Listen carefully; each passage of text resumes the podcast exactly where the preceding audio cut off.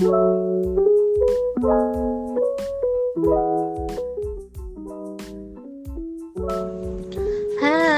Assalamualaikum warahmatullahi wabarakatuh semua. Di sini aku Clara Puspita Rudi dan temanku Inas Natajanitra ingin bercerita sedikit nih tentang alasan dan latar belakang mengapa Indonesia rawan disintegrasi serta konflik BFO di Indonesia beserta tokoh yang pro terhadap BFO. Jadi, ikutin terus ya sampai akhir. Nah, di sini aku mau nanya nih Nas, sebagai orang awam, apa sih disintegrasi bangsa itu?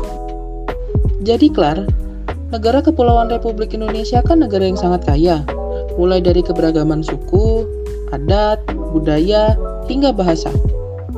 Tapi karena perbedaan ini, akan ada sebuah ancaman yang menanti yaitu disintegrasi bangsa yang bisa saja memecah belah suatu negara dan mengacaukan segala proses seperti ekonomi, pembangunan, bahkan keamanan. Jadi, disintegrasi bangsa sendiri adalah sebuah keadaan di mana tidak bersatu padu dan menghilangnya keutuhan atau persatuan suatu bangsa yang akan menyebabkan perpecahan. Menurut Suryono Sukanto dalam teori sosiologi tentang perubahan sosial tahun 1983, disintegrasi disebut juga disorganisasi, yaitu suatu proses pudarnya norma-norma dan nilai-nilai dalam masyarakat yang disebabkan oleh perubahan yang terjadi pada lembaga kemasyarakatan. Tergesernya norma dan nilai ini membawa subjektivitas kelompok yang dilandasi atas perasaan senasib dan perjuangan yang sama untuk menetapkan kelompok lain sebagai musuhnya. Oh, jadi seperti itu. Terus, apa sih Nas yang memicu terjadinya disintegrasi bangsa? Nah, buat kita yang tinggal di Indonesia kan pasti nggak mau hal ini terjadi. Apalagi belakangan ini ada banyak konflik yang terjadi di, di negara kita. Ada banyak hal yang bisa memicu disintegrasi bangsa ini ya, seperti yang pertama, ada perbedaan ideologi. Setiap negara tentu punya ideologi masing-masing yang harus juga dimiliki oleh para warganya. Masalah akan muncul ketika muncul berbagai ideologi dengan paham yang tidak sesuai dengan ideologi sang negara. Contohnya adalah ideologi atau dari Indonesia adalah Pancasila. Namun, banyak ideologi selain Pancasila yang berkembang di tengah masyarakat. Keberadaan ideologi selain Pancasila tersebut dapat mengancam persatuan dan dapat menyebabkan kehancuran pada suatu tatanan hidup masyarakat seperti komunisme, marxisme, dan lain-lain. Yang kedua, kesenjangan demografi. Kesenjangan dalam demografis juga bisa menjadi penyebab dari terjadinya disintegrasi bangsa. Ketika pemenuhan kebutuhan tidak seimbang, rakyat akan berlomba-lomba untuk memenuhi kebutuhannya. Ini bisa memunculkan rasa kecemburuan yang akan menuntut berbagai hal dan bisa berakibat perpecahan. Ketiga, ada permainan politik yang kurang sehat. Ini adalah salah satu pemicu yang bisa menyebabkan terjadinya perpecahan. Akan ada oknum yang mempermainkan politik untuk kepentingannya sendiri.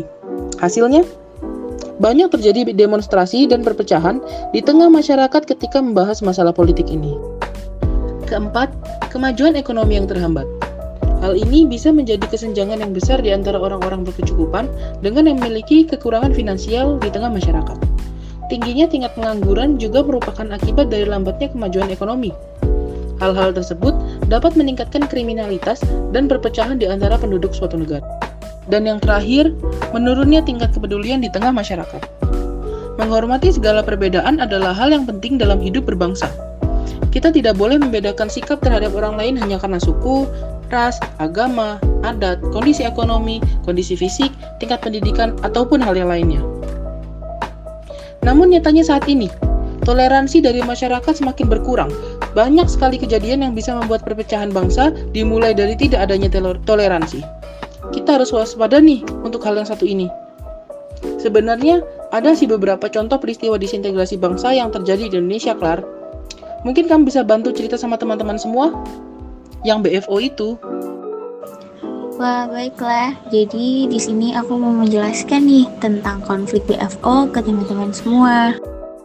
Mungkin banyak ya yang belum tahu, Klar. BFO itu apa sih? Sebuah lembaga atau apa?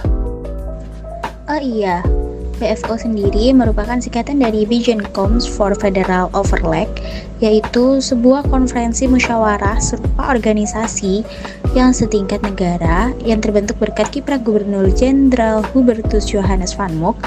Nah, organisasi ini itu didirikan pada 17 Juli 1948 Nas, saat penyelenggaraan konferensi kenegaraan antar negara-negara eks-koloni Hindia Belanda di Bandung yang bernama Stadkundig Ascendant Konferensi atau Konferensi Satuan-Satuan Kenegaraan.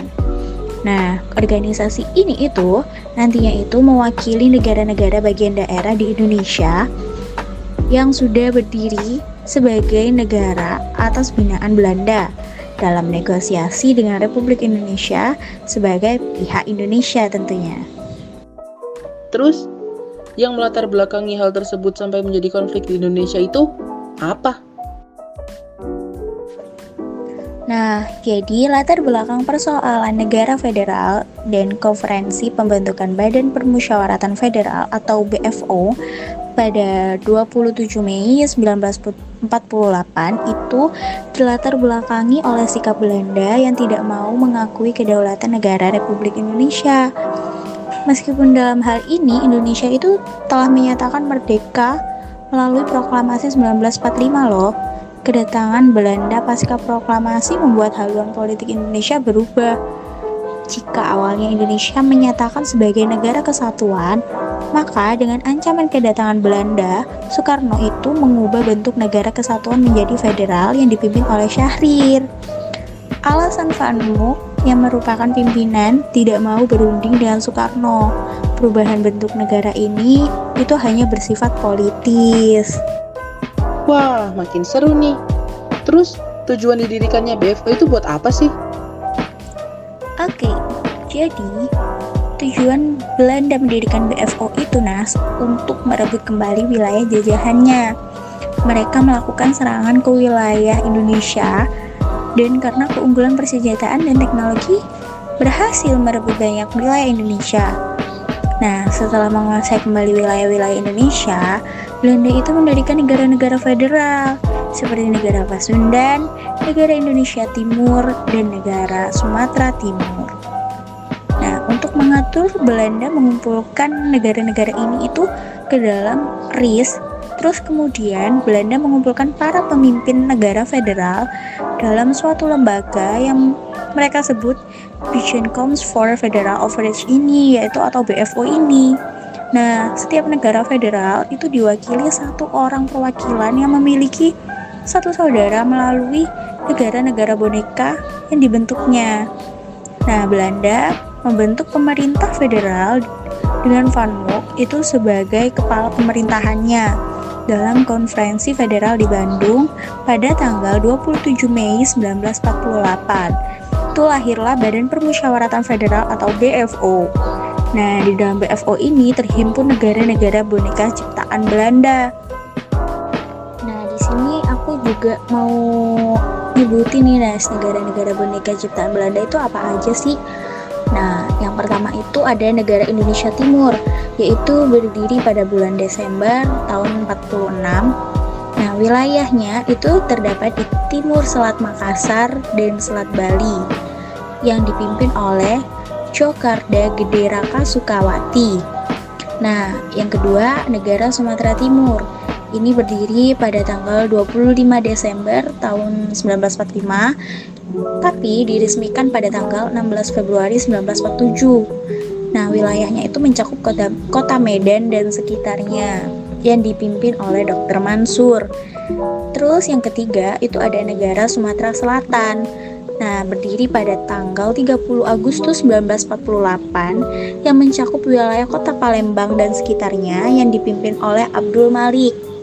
Terus yang keempat ada negara Jawa Timur yang berdiri pada tanggal 26 November 1948. Nah, wilayah ini itu mencakup kota Surabaya, Malang, dan daerah-daerah sebelah timur hingga ke Banyuwangi.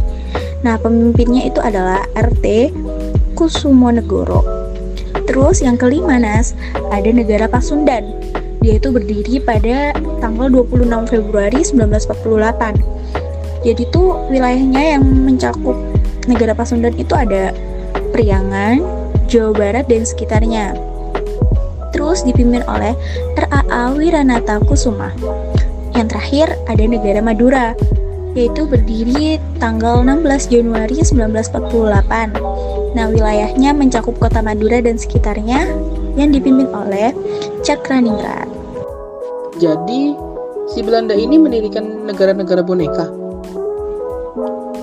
Iya, nah selain negara-negara boneka yang diciptakan oleh Belanda, terdapat juga daerah-daerah yang memiliki otonomi seperti Kalimantan Barat, Dayak Besar, Banjar, Kalimantan Tenggara, Jawa Tengah, Bangka, Belitung, dan Riau.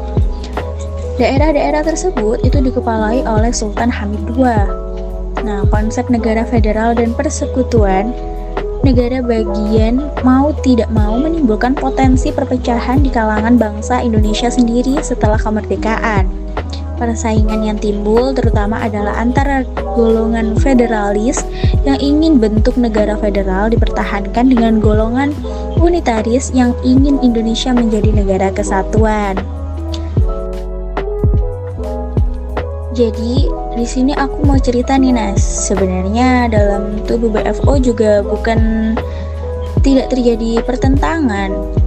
Sejak pembentukannya di Bandung pada bulan Juli 1948 nih, BFO itu telah terpecah ke dalam dua kubu. Kelompok pertama itu menolak kerjasama dengan Belanda dan memilih RI untuk diajak bekerja sama membentuk negara Indonesia Serikat. Kubu ini itu dipelopori oleh ide anak Agung Gede Agung serta RT Adil Pura Direja dan RT Jumhana. Terus kubu kedua itu dipimpin oleh Sultan Hamid II dan Dr. T. Mansur. Kelompok ini itu ingin agar garis kebijakan kerjasama dengan Belanda tetap dipertahankan BFO. Ketika Belanda melancarkan agresi militer duanya, pertentangan antara dua kubu ini tuh makin sengit gitu loh Nas. Dalam sidang-sidang BFO selanjutnya kerap terjadi konfrontasi antara anak agung dengan Sultan Hamid II. Kemudian hari Sultan Hamid II ternyata bekerja sama Apra Westerling mempersiapkan pemberontakan terhadap pemerintah RIS. Setelah konferensi meja bundar atau KMB pada tahun 1949, itu persaingan antar golongan federalis dan unitaris itu makin lama itu makin mengarah ke konflik terbuka di bidang militer, Nas. Pembentukan Angkatan Perang Republik Indonesia Serikat atau yang sering disingkat APRIS itu itu telah menimbulkan masalah psikologis. Salah satu ketetapan dalam KMB itu menyebutkan bahwa inti anggota APRIS itu diambil dari TNI, sedangkan lainnya diambil dari personel mantan anggota KNIL TNI sebagai inti APRIS berkeberatan bekerja sama dengan bekas musuhnya, yaitu KNIL. Sebaliknya, anggota KNIL, KNIL ini tuh menuntut agar mereka itu ditetapkan sebagai aparat negara bagian dan mereka itu menentang masuknya anggota TNI ke negara bagian. Begitu Nas ceritanya. Gitu loh Nas jadi itu tuh ada tokoh-tokoh yang berperan dalam BFO juga nih Nas. Ada dua kubu kan tadi nah kubu pertama itu terdiri dari ide anak agung gede agung atau NIT terus habis itu yang kedua RT Adil Pura Direja terus ada ketiga RT Jumhana terus ini tuh ada kubu kedua nih. Kubu kedua itu terdiri dari Sultan Hamid II, terus ada Dr. T. Mansur, dan di pihak Belanda itu ada Van Mook. Hmm, terus gimana cara pemerintah nanggepin masalah ini, Klar? Tentunya pemerintah menolak kesepakatan yang diajukan oleh BFO karena pemerintahan RI itu menganggap BFO tidak lagi sama persis dengan BFO yang direncanakan oleh Van Mook karena perundingan tersebut banyak didominasi perbincangan mengenai konsep dan teknis pembentukan RIS, terutama mengenai susunan kenegaraan berikut hak dan kewajiban antara pemerintah pusat dengan pemerintahan daerah. Jadi seperti itu persoalan-persoalan tentang konflik BFO Nas. Gimana? Pasti paham dong. Wah, Klar, paham lah. Jadi gimana teman-teman? Pada pada tahu kan tentang materi kali ini? Terima kasih ya atas partisipasi kalian semua. Aku dan Clara undur diri dulu. Sampai bertemu di lain waktu. Bye-bye.